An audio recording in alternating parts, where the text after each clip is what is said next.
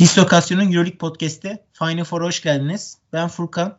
Bugün yanımda Berat'la birlikte Euroleague'deki temsilcilerimizin son haftadaki maçlarını, form durumlarını, e, gidişat konuşacağız. Öncelikle hoş geldin.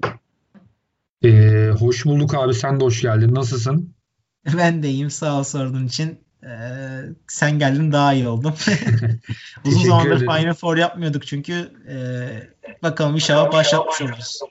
Evet umarım e, buradan da bizim dislokasyon ekibindeki arkadaşlara da bir seslenelim. Lütfen katılımlarını rica edelim. Yani devrik bir cümle oldu ama bekliyoruz herkese. İsteyen gelsin. Hatta program dinleyen varsa e, bu program şeyden bize ulaşabilir. Sosyal medyadan ulaşıp işte ben Euroleague Podcast'ine yer almak istiyorum. Gelirim falan diye varsa program dinleyen şanslı insanlar da gelirse ben e, kırmam yani. Bir dahaki programımızda evet. davet ediyoruz onları da. E, kim olursa olsun. Sorun değil. Ee, abi öyle. ben konulara geçmeden önce İzmir'deki deprem hakkında görüşlerini merak ediyorum çok kısa. Ee, ee, yani bir şey düşünüyor musun ya da? Abi kesinlikle yani ülkemizin için çok sıkıntılı bir durum. Yani bir sürü insanın yaklaşık yüze ulaşmak üzere bu sayı vefat etmesi ve bine yakın yaralının olması e, ve binalardaki özellikle bu işte deniz kumu denilen olayın binaları nasıl yerle bir ettiğini, yok ettiğinin en büyük kanıtı.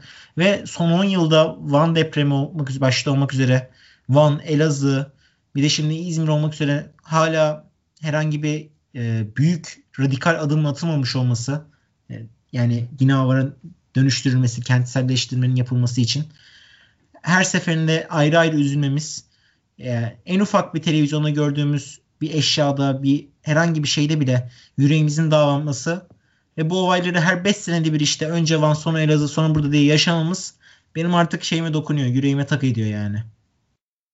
Öyle söyleyeyim sana. Gerçekten e, Allah yardım etsin diyorum oradaki insanlara. E, yakınlarını kaybedenlere. E, evet. Bu ih, ihmalkarlığın artık radikal bir şekilde düzeltilmesi, iyileştirmesi, insanların tekrar e, rahatça yaşayabileceği e, bir düzene geçilmesi lazım şu aşamada.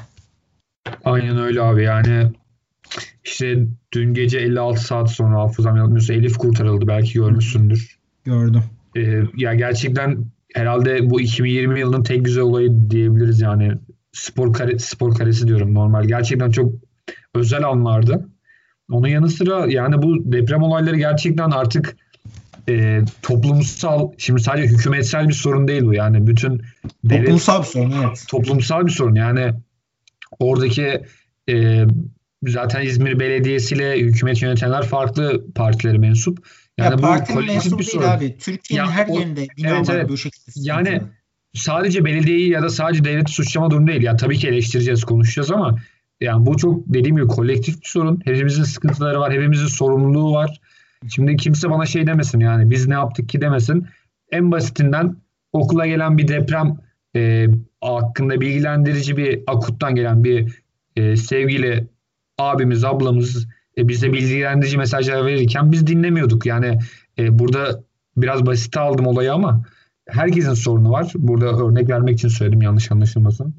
Evet. Onun için toplumsal bir sorun dediğin gibi e, bilmiyorum yani artık bir şekilde radikal tutumlar sergilenip yani abi görmüşsündür 2020'de kim elini altına koyarsa o e, devlet için yani ülke için hayırlı bir şey yapıyor demektir yani. Evet. Kim... Abi 2020 yılında e, dünya üzerinde gerçekleşen hafızam yanıltmıyorsa 20 tane doğal afet depremin iki tanesi bizim ülkemizde yüksek şiddetli ve en çok ölüm de bizim ülkemizde e, ortaya çıkıyor. Buradan da her şey anlaşılıyor aslında. Yani çok ciddi sorunlar var bu konuda.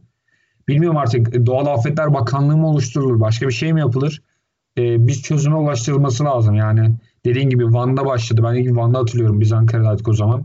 İşte evet. geçen e, bu Ocak gibiydi herhalde. Ocak, Şubat gibiydi. Elazığ'da oldu. Biz de az çok hissettik. İşte bugün İzmir. Ya gerçekten çok üzücü yani. Ama artık majör bir şekilde yani majör planlarla bu işi ele almak lazım. Kesinlikle, kesinlikle. Abi e, böyle konuşur gideriz muhtemelen bir yarım saat, bir saat daha. Evet, o yüzden evet. Hemen geçelim istiyorsan. Müdahale edip artık kapatmak zorundayız bu konuyu. Allah evet, yardım etsin ben diyoruz. Şuradan başlayalım. Efes'e sorayım sana direkt yani ne düşünüyorsun? Efes Olympiakos'ta oynamıştı. Abi e, Larkin döndü. Larkin döndü bir kere. Yani Larkin dönünce bir anda böyle modumuz, ekran karşısındaki modumuz, maçı izleme isteğimiz yani bir %50 değil hatta %100 artıyor yani. %200 motive izliyorsun maçı. Yani Larkin var abi diyorsun. En kötü 2-3 üçlük atar, şut sokar. E, maçı bir şekilde denge tutar diyorsun. Zaten Efes takım olarak geçen seneki takımda e, mükemmel geçen seneki birinci bitiren, sezonu birinci bitiren beyaz sezonlarını iptal edilen ligde o harika basketbol oynayan takımdan e, Larkin en büyük parçası, en büyük yıldız oyuncusu eksik şekilde mücadele etti. Önüm geçmiş 4-5 hafta boyunca. Ve mağlubiyetler aldı Efes haliyle. Takımda ciddi bir oyun kurucu eksikliği söz konusu olmuştu bu mağlubiyetlerde bu süreçte. Ama Larkin'e dönmesiyle birlikte o topu elinde tutabilen skor oyuncusu, dış atıcı oyuncusu eksikliğini bir nebze de kapattı gibi duruyor. Larkin bu maç üzerinde konuşursam ilk yarı çok yere düştü. Kendisini 5-6 kere pota yüklenirken geri attı. Yani sürekli yere düşüyor. Sürekli de dizlerin üstüne düşüyor gibi oluyor. Ben dedim bir şey mi var, sıkıntı mı var, sorun mu var? Yani tabii çok e, maç oynamadan geldi. Bayağı oldu maç oynamayalı. Yeni geldi. Uçaktan indikten 2-3 gün sonra işte Atina'ya gitti. Olympiakos deplasmanına çıktı. Okey. Ama e, Larkin'in baktığımızda da fiziksel temposunu, durumunu kontrol etmesi için bir ay daha falan oynaması gerekiyor herhalde. Yani bu maç 3 tane üçlük isabeti bulmuş olabilir. Ama içeri girdiği atışların, turnikelerin, penetrelerinin hiçbirinde olumlu bir sonuç getiremedi aslında. İşte dediğim gibi sürekli geri düştü. Yani ben 5-6 tane saydım düştüğü yere. Ee, o noktada Larkin'in şut gücü şu aşamada Efes için daha kritik, daha değerli olabilir. Bir şutör gibi konulması, dışarıdan konulması daha değerli olabilir. E, bu noktada Larkin'in geçtiğimiz sene gördüğümüz içeri penetrelerinin görevini üstlenecek iki tane oyuncu var Efes'te belirgin olarak. E, bir tanesi Vasilij Misic haliyle, diğeri de Kurnuslav Simon. E, bu noktada bu maç üzerinde Misic 20 sayıyla ön plana çıktı ve 5 e, tane sağ içerisinden e, ikilik isabeti var. Ve bu ikilik isabetlerin çoğu da potaya giderek potaya hata üzerineydi. E, Larkin'in olmadığı bu alanlar değerli katkı veremediği bir günde Misic'in bu şekilde katkı vermesi ve Simon'un da keza 5'te 5 ile içeriden oynaması. Yani içeri gittiği neredeyse tüm şeylerde sayı buldu. Skor etti Simon. 11 sayı vermesi, Misic'in 20 sayı vermesi çok çok kritikti Efes açısından. Ee, bu noktada Efes'in kazanma serisine başlayacağını düşünüyorum Kasım ayı içerisinde. Ee, tabii yürürlük ne kadar devam eder orası da ayrı soru işareti ama devam ettiği sürece Efes'in e, Larkin'in de sahada olduğu bir düzende e, Misic'in performansını da yeteri kadar yükselmesiyle birlikte çünkü ikisi birbirini yükselten oyuncu var. Hem Larkin hem Mistic. Mistic'in geçtiğimiz aydaki baktığımızda form durumundaki sürekli dalgalamaya baktığımızdaki temel sorun onu dizginleyecek herhangi bir oyuncunun olmamasıydı yanında. Yani Boboa mesela öyle bir oyuncu değil. Daha çok şutuna güvenen savruk bir oyuncu. Top çok Misic'in elinde kalıyordu ve Misic'in verdiği kararlar her zaman doğru olmayabiliyor. Bunu geçtiğimiz seneki Fenerbahçe örneğindeki Suluk Aslan da bilir. E, Fenerbahçe dinleyicileri de varsa burada. E, o noktada Misic'in ne zaman güvenilir olup ne zaman güvenilir olmayacağı şüpheli bir durumda olduğu için Larkin'le beraber oynaması ikisini inanılmaz seviye atlatıyor. İkisine de bir seviye atlatıyor. Larkin tek başına da bu takımda verimli olamaz. Misic tek başına da bu takımda verimli olmaz. İkisi birlikte oynadığı kadar. Öyle diyeyim. İşte bu rolü Larkin yokken Simon üstlenmeye çalışıyordu. Efes'in kazandığı maçlarda da Simon'un çok ön plana çıktığını gördük. Fenerbahçe derbisinde de kez daha hatırlarsın Simon e, kaybetse bile Efes inanılmaz ön plana çıkmıştı. E, bu noktada baktığımızda Larkin'in dönüşünün ve takımın tam kadro olmasının Kasım ayı içerisinde Efes'in gidişatını çok olumlu yönde etkileyeceği ve takımın bir üst seviyeye çıkacağını düşünüyorum. Ee, kısaları bu şekilde özetleyeyim. Uzunları da birazdan konuşuruz. Ben Abi ben, ee, şöyle Efes maçını izleme şansım olmadı ama ben de sana aslında bunu soracaktım. Yani Larkin'in dönmesi sanki Messi'yi çok iyi etkilemiş gibi ki sen aynı bir puzzle'ın parçası gibi olduğunu söyledin bu ikilinin. Yani Larkin çok kısıtlı bir süre aldı 20 dakika ama ya Misic ona rağmen yani o Larkin ağırlığı sanki hissediliyor abi takım bütününde. Abi yani Efe, e, Ergin Ataman dediği gibi bu takım Larkin'in takımı. Yani kim ne derse desin. Misic'in takımı değil bu takım. Ama Larkin'in takımı olunca Larkin'siz de oynamayı bilmesi gerekiyor bu takımın. Ve bunu aslında e, yeteri kadar gösteremedi Efes. Bu sınavı geçemedi Larkin'siz oynama becerisine. Çünkü bu takım kazanmaya alışkın bir takım. Geçen sene neredeyse tüm maçları kazandılar. Bir tane şanssız CSK yenilgisi sezon içerisinde 83-82'lik Sinan Erdem'de. Ee, onun haricinde neredeyse tüm maçları kazandılar. Ve bu takım maçları kazanırken mesela Dunstan yoksul oynadı. Anlatabiliyor muyum? E maçları kazanırken ki en önemli faktörler kısa faktörleriydi. Larkin ve Misic'in inanılmaz performansıydı. E işte kenardan gelen Bobo Anderson'ın maç maç öne çıkmasıydı. Simon'un maç maç öne çıkmasıydı. Ee, o noktada ben hatta şunu da söyleyeceğim. Madem uzun dedim uzunlara da gireyim. Ya bana kalırsa Efes'in oyun düzeninde bana zevk veren, geçen seneki bana zevk veren oyunda biliyorsun şey yoktu. E, Dunstan yoktu. Bir de Moerman yoktu. İkisi de eski tip uzunlar. Dunstan e, kalıplı, blokçu, savunmacı. İşte e, orta mesafe şutu olmayan ama içeriden yüzleri bitiren e, direnişli savaşçı bir oyuncu. Moerman ise sürekli post-up oynayan, e, üçlü olan ama çok güvenilir bir üçlü olmayan, e, genelde post oynayan tercih edip tas dağıtan bir oyuncu. Ama geçtiğimiz seneki o şahane Efes'e baktığımızda, o tempo Efes'e baktığımızda Efes'in önemli özelliği neydi? Bir kere bu takımın uzunları Singleton, Sertaç ve Tibor Plyce'dı. Sertaç ve Tibor Plyce ikisi de orta mesafe şut atabilen, içeride avan açan oyuncu vardı.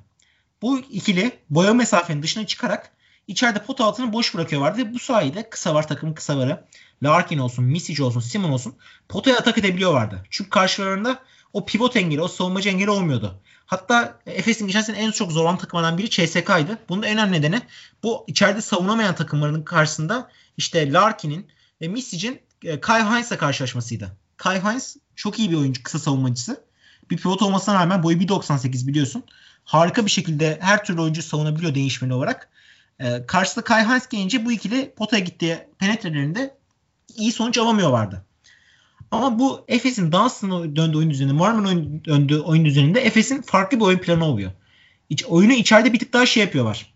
E, yo- var, bir tık daha sıkıştırıyorlar. Çünkü Muharman post up deniyor. Potaya kadar ittirmeye çalışıyor rakibine. Dunstan işte perde koyup hemen içeri dalıyor. Hemen içeri dalıp içeride kabalığı topluyor. Dunstan ve Muharman'ın olduğu bir oyun düzeninde ise Efes'in en çok dış şütörlere ihtiyacı oluyor. Çünkü o içeri takımlar sıkışıyor. içeride birikiyor. Bu noktada kenardaki 3 tane oyuncunun bir şekilde o üçlüyü sokacak oyuncu olması gerekiyor. Ve bu noktada şutörler ön plan çıkıyor. Efes'in ilk aydaki yenilgilerin temel sebebi de bu şutların girmemesiydi. Gene aynı oyun izlendi. E, Price kenara çekildi. Geçen seneki oyundan bir tık daha vazgeçildi ve e, Muarman'la Dunstan aynı anda sahada olduğu bir ağırlıklı oyun sistemi ta, ta, ta, şey yapılmaya çalışıldı. E, sonucunda şutlar girmeyince işte Simon her gün günde olmayabiliyor. Misic her gün günde olmayabiliyor. Bobo her gün günde olmayabiliyor. Böyle bir sıkıntı çıktı. E, buradaki en önemli şutör de Shane Larkin aslında takımın en iyi şutörü. Yani bu oyun düzeni devam edecekse maç maç Larkin'in katkısı çok önemli olacak. E, onun haricinde Singleton ve Price'ın olduğu Efes'in ikinci bir oyun düzeni var. Geçen sene gördüğümüz. Yani Efes'in elimizde aslında yani cebinde Efes'in cebinde bir sürü oyun planı var. Bir sürü taktiği var. Bu sayede hem oyunu içeri yararak işte iki sayı katkısı istediğinde Muarman'dan bir iki sayı bir post-up katkısı. Şu orta mesafe şut katkısı istediğinde Tibor Payes'in orta mesafelerini, Sertaç Şan'ın orta mesafelerini.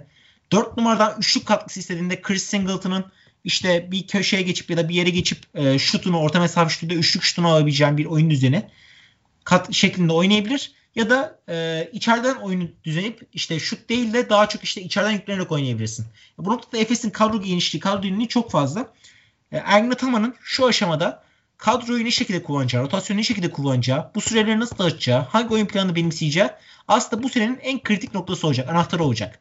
Ve Ergin Ataman geç senelere baktığımızda yani geçmiş yıllara baktığımızda hep dar rotasyona başarılı olan bir koç. Bu noktada Efes'in bu geniş oyun düzeni içerisinde ve geniş kadro rotasyonu içerisinde Ergin Ataman'ın kendisine en uygun, kendi oyununa en uygun, kazanmaya en çabuk ve en kolay götürecek oyun düzenini bulup belki de buna takımını adapte edip bazı oyuncuların isteme istemeye süresini kısması gerekiyor. Ben bu oyuncuların başında Adrian Muarman'ın gelmesi gerektiğini düşünsem de e, Muarman'ın şeyinden hoca vazgeçmiyor. Post-up yeteneklerinden şeyinden çok kolay kolay vazgeçmiyor. Geçen gün e, dün hatta işte e, Efes'in büyük çekmeceyle maçı vardı. TVL'de izledim. E, Muharman maçın yıldızı. Neredeyse 24 sayı attı. Neredeyse çoğu sayısı post-up üzerinden. Her şekilde o sağ sol forvetlerden top ona iniyor. Pas da atıyor. Yani lig maçını sadece bir lig maçını onunla aldı hoca. Muharman'la aldı. E, hoca bunu görüyor. Diyor ki ben bunu neden Euroleague'de uygulamayayım? Çünkü ligde işe yarıyor. Ve Muharman da her gün gününe yani istediği gibi gitmiyor. Bu noktada Chris Singleton'la e, şeyi çok önemli hocanın. 4 numaraları dengeleme şeyi. Çünkü Ergin Ataman kariyeri boyunca hep 4 numaraların şut atmasını benimseyen bir koç olmuştur. Galatasaray'da Zorn Ercek'te görmüşüzdür bunu. İşte E, Efes'te gitti. Alec Peters aldı. Sırf şutu olduğu için zamanda. Alec Peters da geçen seneye başladı. Daha böyle bir sürü örnek var. Ya, o noktada Muarman'ın belki daha çok şut denemesi gerekiyor. Ya da belki Singleton'ın daha çok oynaması gerekiyor. E, 4 numara tercihleri Ergin Ataman'ın çok belirleyici olacak. Uzunlarda dediğim gibi Dunstan'ın olduğu bir düzen farklı bir düzen. Ya bana kalsa ben seneye Efes kadrosunu kurmak istesem geçtiğimiz seneki oyun düzenini benimsemesini isterim. Gene Dunstan'ın ve Muarman'ın olmadığı tarzda işte e, Plyce'ın olduğu, Sertaç'ın olduğu, Singleton olduğu, Singleton tarzı bir şut tutabilen bir dört numaranın daha olduğu böyle daha çok dışarıdan oynayan, içerideki alan özgürlüğünü tamamen kısa vara bırakan, kısa varın hareketlerine, hızına, penetresine bırakan ki Larkin'le mesela hızı inanılmaz ön planda olan bir oyuncu ve Larkin'in aslında ligin en iyi oyuncularından biri olması nedeni bir şutu, iki hızı. O kadar hızlı içeri giriyor ki rakipler yetişemiyor, blok koyamıyor. Yoksa Larkin tıfıl bir şey diğer oyunculara kıyasla.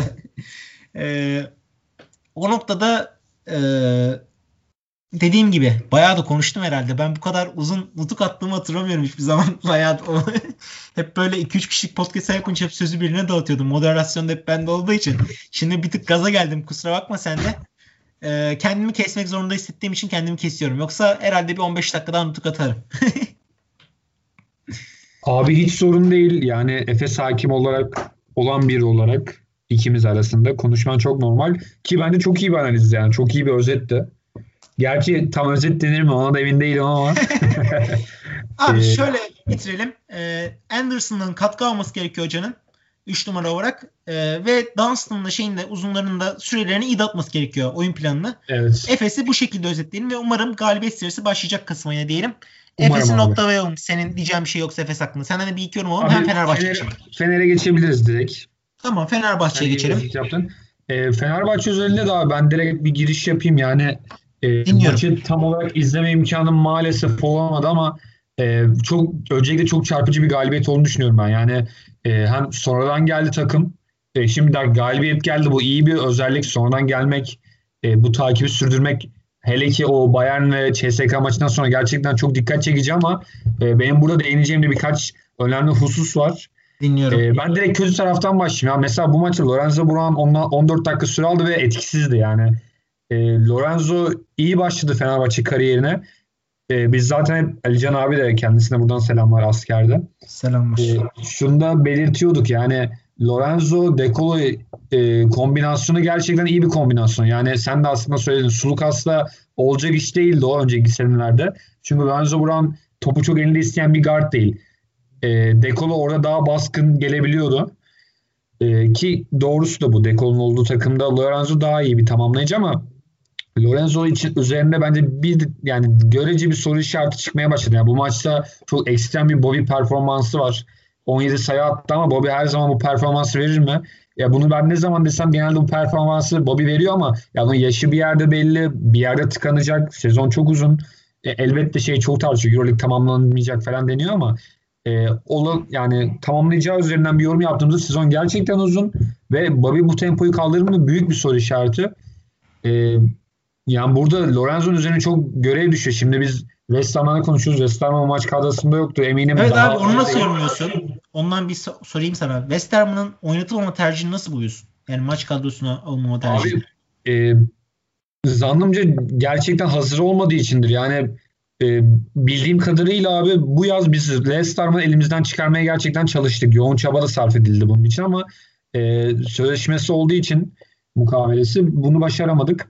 Yani şunu belirtiyorum ben. Eğer Westerman dönecektir mutlaka bir yerde daha sağlıklı bir şekilde tam o ritmini yakalayacak e, bir şekilde dönecektir ama yani Westerman'dan da o katkıyı biz gereken o guard pozisyonda alamazsak ben bir kısa takviyesine gidebileceğini düşünüyorum. Yani şimdi kadro şişirme anlamına da geliyor olabilir bu durum ama yani Lorenzo kesinlikle kendisine gelmesi lazım. Ya mesela şutu çok iyi bir şutu diyemezdim. Var diyemezsin Lorenzo'nun ama çok tedirgin geliyor bana sahada izlerken. Yani hiçbir zaman net kullanmıyor şutlarını. Genelde kullanınca da orta mesafeli dribbling üzerinden kullanıyor. Ya bu tabii ki ya Obradoviç takım olmadığı için şu anki Fenerbahçe çok normal karşılanabilir bir durum ama bazen e, çok düzenden gerçekten düzenden çıkıldığı durumlar da oluyor. Yani Lorenzo üzerinde bence biraz daha özgüvenini kendine kazandırması lazım. Ben öyle düşünüyorum. Onun dışında West Ham konusunda da West Ham iyi bir şekilde dönecektir. Ki ben West Ham'ın kalmasını doğru buluyordum bu sene özelinde. Geçen sene her ne kadar takım çok kötü olsa da deplasman performansı West Ham'ın üzerinde gayet bence bir seneki sonraya umut vadeden bir performanstı. Ve bu Kokoşkov sisteminde de West Ham'ın bence hem Fransız olmasından dolayı Dekolo'yla bağından ben bunun bir etki olduğunu düşünüyorum. E, kalması doğruydu ama işte o kısa rotasyonda Bobby'ye güvenip iş yapmamamız lazım. Burada burada Bobby'nin kötü olduğunu kesinlikle ima etmiyorum. Sadece e, kaldırabilir mi? Bu bir soru işareti. E, bunda Abi, tabii Bobby'nin de Bobby'nin de son maçtaki performansından bahsetmem gerekiyor. Ufacık sen e, söylemeden evet, hemen evet. bekleyeyim. 17 sayıyla oynadı 19 dakikada. Altta bir evet. üçlük attı ve bu adam 38-39 yaşına geldi artık. Yani e, bu bak bu bu maçı kurtardı. Okey büyük yürek, evet. harika karakter, harika şey. Ama bak bu maçlık bir şey. Anlatabiliyor muyum? Bu sezonluk bir şey değil. Yani bunu sezona yayamaz Bobby Dixon. Ee, evet, evet. Fenerbahçe bu yüzden kötü gün bekleyebilir bu açıdan. Yani bu maç kazanabilirsin. Evet ama geleceğe bakmak lazım aslında. Evet evet. Ben %100 katılıyorum abi. Zaten ya Bobby bunların da ışığını veriyor. Zaten her röportajında ben kitabında da okumuştum. Adam şunu direkt belirtiyor. Benim bu kadroda bulunabilmem için Fenerbahçe'de daha çok çalışmam lazım. Herkesten daha fazla çalışmam lazım diyor. O sporcu kimliğini oturtmuş bir insan. Ee, ama onun yanı sıra aslında bir ciddi sorun daha var. Biz şu ana kadar yine bence net olarak bir ölçüm açı yapmadık. Yani elbette Bayan, CSK bunlar e, az çok iyi sergi, oyun sergilendi ama yani ya mesela bizim bir Barcelona maçı var yakın bir tarihte. Mesela biz bu maçta ne yapacağız? Şimdi Veseli'nin e, olası bir kötü oynama durumunu ben şu an hayal bile edemiyorum. Yani mesela Hamilton e, 6 dakika süre aldı bu maçta. Tofaş Çok maçını izledim son maçta. Ya, o maçta biraz daha fazla süre aldı ama Veseli'nin yapabileceği hiçbir şey yapacak bir adam değil. Zaten top eline alınca yani bir insanın elinin top bu kadar mı yakışmaz? Sadece çember altında pota savunuculuğu ve o pick and roll'de roller sonrasında potaya yakın aldığı toplarda verimli olan bir oyuncu yani Hamilton. Onun dışında yöneteyim, çevirip çevireyim yani Veseli'nin o liderlik vasıflarının hiçbiri yok. Şimdi elbette şunu da diyebilir insanlar. Veseli bu özelliği ne zaman kazandı ki de diyebilir. Veseli şuradan nereden bakarsak bakalım son 2-3 senedir o, bu aslında judo gittikten sonra böyle aklı zihni daha oturak, oturaklı bir insan oldu. Evet. Hamilton öyle bir zamanı da yok Fenerbahçe'nin. Hamilton alayım 3 sene yetiştireyim durum değil ki basketbolda böyle şeyler sen de biliyorsun abi. Uzun vadede bir şey yapamıyorsun. Özellikle Avrupa basketbolunda. Kadro abi ama Hamilton'ın ben gelişebileceğine çok inanıyorum. Yani Hamilton şu an ben evet, inanıyorum abi. çok ham. Evet. Ama e, yani karakter olarak da bir Dunstan'a dönüşebilir gibi. Daha aktif bir Dunstan'a dönüşebilir gibi bir yapısı var. Evet Asıl evet ben sana %100 katılıyorum abi. Asıl soru şu. Avrupa basketbolunun e, geleceği açısından artık NBA'nin yok ama Avrupa basketbolunun hala John Hamilton tarzı oyunculara ihtiyacı var mı? Başarı elde etmek için şey olarak. Şu an NBA'de artık o trend kaydı. Artık işte evet. Howard gibi oyuncu var. Ön plan çıkamıyor da Jokic gibi oyuncu ön plan çıkabiliyor. Ama Hamilton tarzı oyuncular Avrupa'da hala ön plan çıkmaya devam ediyor. Ama sen bunu tutup geliştireceksin bu oyuncuyu. Belli bir süre vereceksin. Ve bu gelişim aşamasında sana 5 yıl sonra bir şey katacak mı oyuncuda? 2-3 yıl sonra. 5 yıl çok oldu. 2-3 ee, yıl sonra sen bu oyuncudan bir Dunstan verimi alacak mısın? Dunstan'ın 2-3 sene önceki performansını hatırlarsın. Evet abi gerçekten çok etkileyiciydi. E, abi Orası şunu soru işareti bence. E, Öyle bence değil. senin sorduğun soru gerçekten müthiş bir soru. Yani Euroleague basketbolunda böyle bir hani NBA'ye gel zaten bitti. Ben bunu Pace and Space ile ilgili bir yazı yazdım ilk yazımda. Hatta orada da belirtmiştim. Yani şu an mesela atıyorum Hı. NBA'de bir DeAndre Jordan'lar falan ki Hı. Avrupa'da gerçekten iyi takımlar yer bulacak oyuncular. NBA'de kontrat bulamıyorlar. Zar zor kapılıyor. Belki e, o e, yok olan uzun rotasyonuna bir belki hançer gibi saplanıp tekrar gün yüzüne çıkan tek oyuncu Nikola Jokic örnek verebilirsin. Yani böyle eski tip olarak örnek verebileceğin görece yani çok öyle demiyorum ama e, bu tabii ki tartışılacak bir konu. E, abi bence Avrupa basketbolu her ne kadar NBA'ye çok yaklaşmış olsa da gittikçe yaklaşıyor olmasa olsa da bence bu uzun kavramı Euroleague'de henüz net olarak değişmedi. Mesela Ahmet'le oynamaya başladı artık Kokoşo. Bence o da biraz e, test ediyor yavaş yavaş. Öğreniyor da Euroleague'i. Evet. Yani, yani Kokoşkov'un ben çok deneysel oynadığını düşünüyorum hatta. Şu bir aylık Abi süreçte. kesinlikle kesinlikle. İnanılmaz e geniş oynuyor rotasyonu. Evet. Panathinaikos maçı mesela dediğin gibi. inanılmaz geniş oynuyor rotasyonu evet. ve e, abi kaybedersem kaybedeyim diyor yani. Sonrasını ben iki hafta sonrasını düşünürüm diyor. Yani bir tık daha öğreniyor aslında Euroleague'i. Çünkü Kokoşkov'un da ilk Euroleague senesi aslında.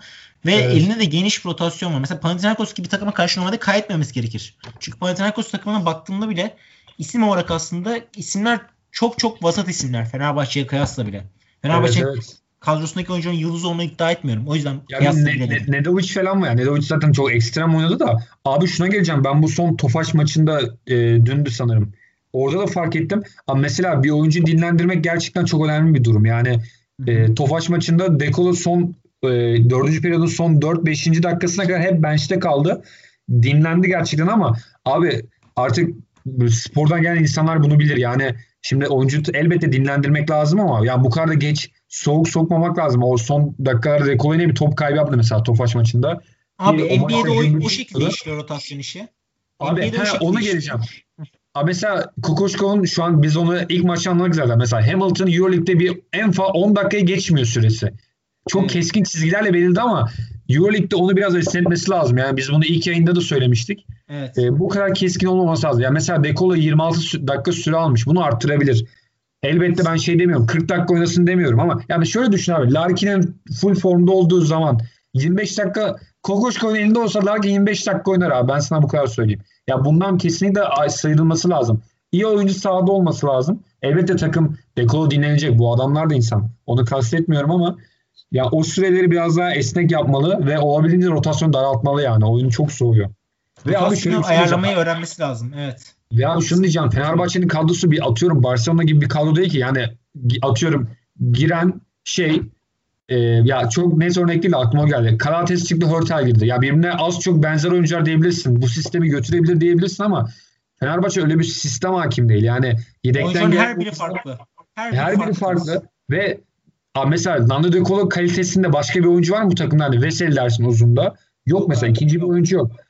Ee, böyle birbirini tamamlayacak, cuk diye oturacak, senin sistemini bench'ten geldiği halde oynatacak bir oyuncu topluluğu net değil. Fenerbahçe'nin kadrosunun kalitesi gerçekten düştü.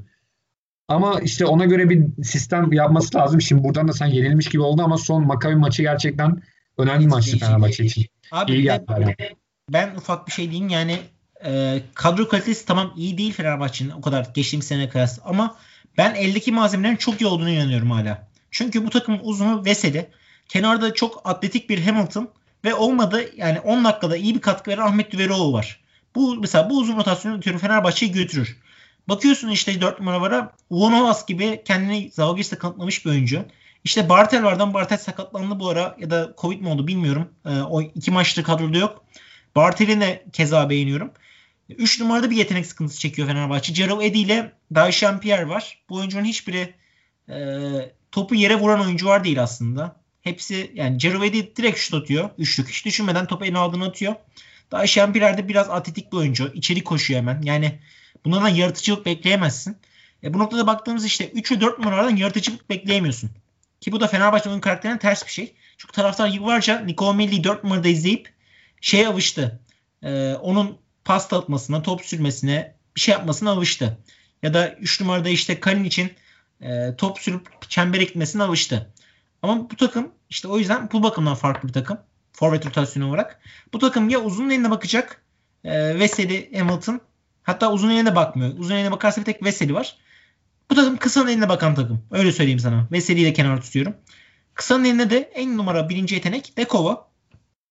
Dekova'nın istediği kararı alması lazım. Ama Dekova her zaman bu kararı almayabilir, yorulabilir. E, Dekova çok iyi bir karar verici değil. Çünkü temelde bir shooter guard. Oyun kurucu değil. Bu noktada Lorenzo Brown'un ön plana çıkması gerekiyor. Daha çok sorumluluk alması gerekiyor. Şutların daha isabetli olması gerekiyor. Daha çok iyi karar vermesi gerekiyor. Daha iyi karar ver takımı daha yönetmesi gerekiyor. Lorenzo Brown'un takımını üst seviyeye çektiği her an Fenerbahçe'nin 5 numara var da, 4 numara var da, 3 numara var da, 2 numara var da, 1 numara var da Fenerbahçe komple tüm takım olarak Lorenzo Brown'la birlikte yükselebilir. Onun bir tık daha takımı sahiplenmesi, bir tık daha yükseltmesi lazım. Ya bu bakımda mesela Leo Westerman bir tık daha silik bir karakter. West Brown'a kıyasla, Lorenzo Brown'a kıyasla. Leo Westerman o liderliği alamaz mesela. Ama Lorenzo Brown'un yanına mesela e, Dekova'yı koysan iki tane karakter e, ikisi topu elinde istiyor. Gene olmayabilir. Ama mesela Leo Westerman'ın yanına Dekova ile koyarsan ikisi birlikte götürebilir. Ya da mesela Lorenzo Brown'un yanına Melih Mahmutoğlu'nu koyarsan istediği tarz bir oyuncu şutör götürebilir. Yani bu noktada baktığımızda mesela şu an bu katkı Ali Muhammed'den arıyor takım. Ee, West, çünkü Dekov oyunda Brown her zaman o katkıyı vermiyor. Diyor ki Dekov'un yanına Ali Muhammed koyayım. Top elindeyken güvenebileceğim. Şut atabilen, sorumluluk alabilen, pas atabilen bir oyuncu. Ya bu Ali Muhammed'in bu katkısı bu kadar sürmez. Uzun süre sürmez. Ya bu noktada işte dediğim gibi e, top elinde tutan sorumluluk alan oyuncunun önemi bin kat daha ön plana çıkacak. Ve e, Fenerbahçe'nin elindeki parçaları iyi değerlendiği takdirde Kokoşkov'un rotasyonu oluşturduğu ve belli bir kimya getirdiği halinde ben bu takımın e, Final Four'u zorlayabileceğini düşünüyorum. Yani playoff Umarım abi. Evet evet. Ya ben sana %100 katılıyorum abi. Öyle kötü bir imaj profil çizmek istemedim. Ben sadece daha iyi olabilir bu takım. Dediğin gibi yan parçalar gerçekten aslında iyi yani. Şampiyer mesela bu maç yine çok iyiydi. Ee, diğer maçlarda olduğu gibi. Edi biraz belki nazar değdirdik taraftarlar olarak ama o da iyi. Ee, ya Ulanovas zaten bir Euroleague tecrübesi var. O standarda her zaman bir tutturuyor. Bartel belki biraz geri planda kaldı. O da gelecektir. Diyorum ben ve Fenerbahçe yorumlarımı böyle bitiriyorum abi. Senin de ekleyeceğin bir şey var mı? Yok abi teşekkür ederim. Güzel programda. 15 dakika Efes 15 dakika Fenerbahçe konuşmaya çalıştık. Aynen çok adaletli Dengeli bir oldu. şekilde. Aynen öyle abi. ee, teşekkür ediyorum. Ben ee, teşekkür ederim abi. Kendine çok iyi bak. Gibi, Diğer yayınlara haftaya. Aynen haftaya inşallah devam ederiz ve e, programı dinleyip gelmek isteyen varsa da bize bu hesaplardan işte Ayhan Berat Dum muydu seninki herhalde? Benimki de ife alt gs evet. Twitter hesaplarımızdan falan ulaşabilir. Ee, öyle diyelim. Ee, teşekkür ederim. Kendine iyi bak. Hoşça kal diyelim o zaman. Sen de abi görüşmek üzere. Görüşürüz.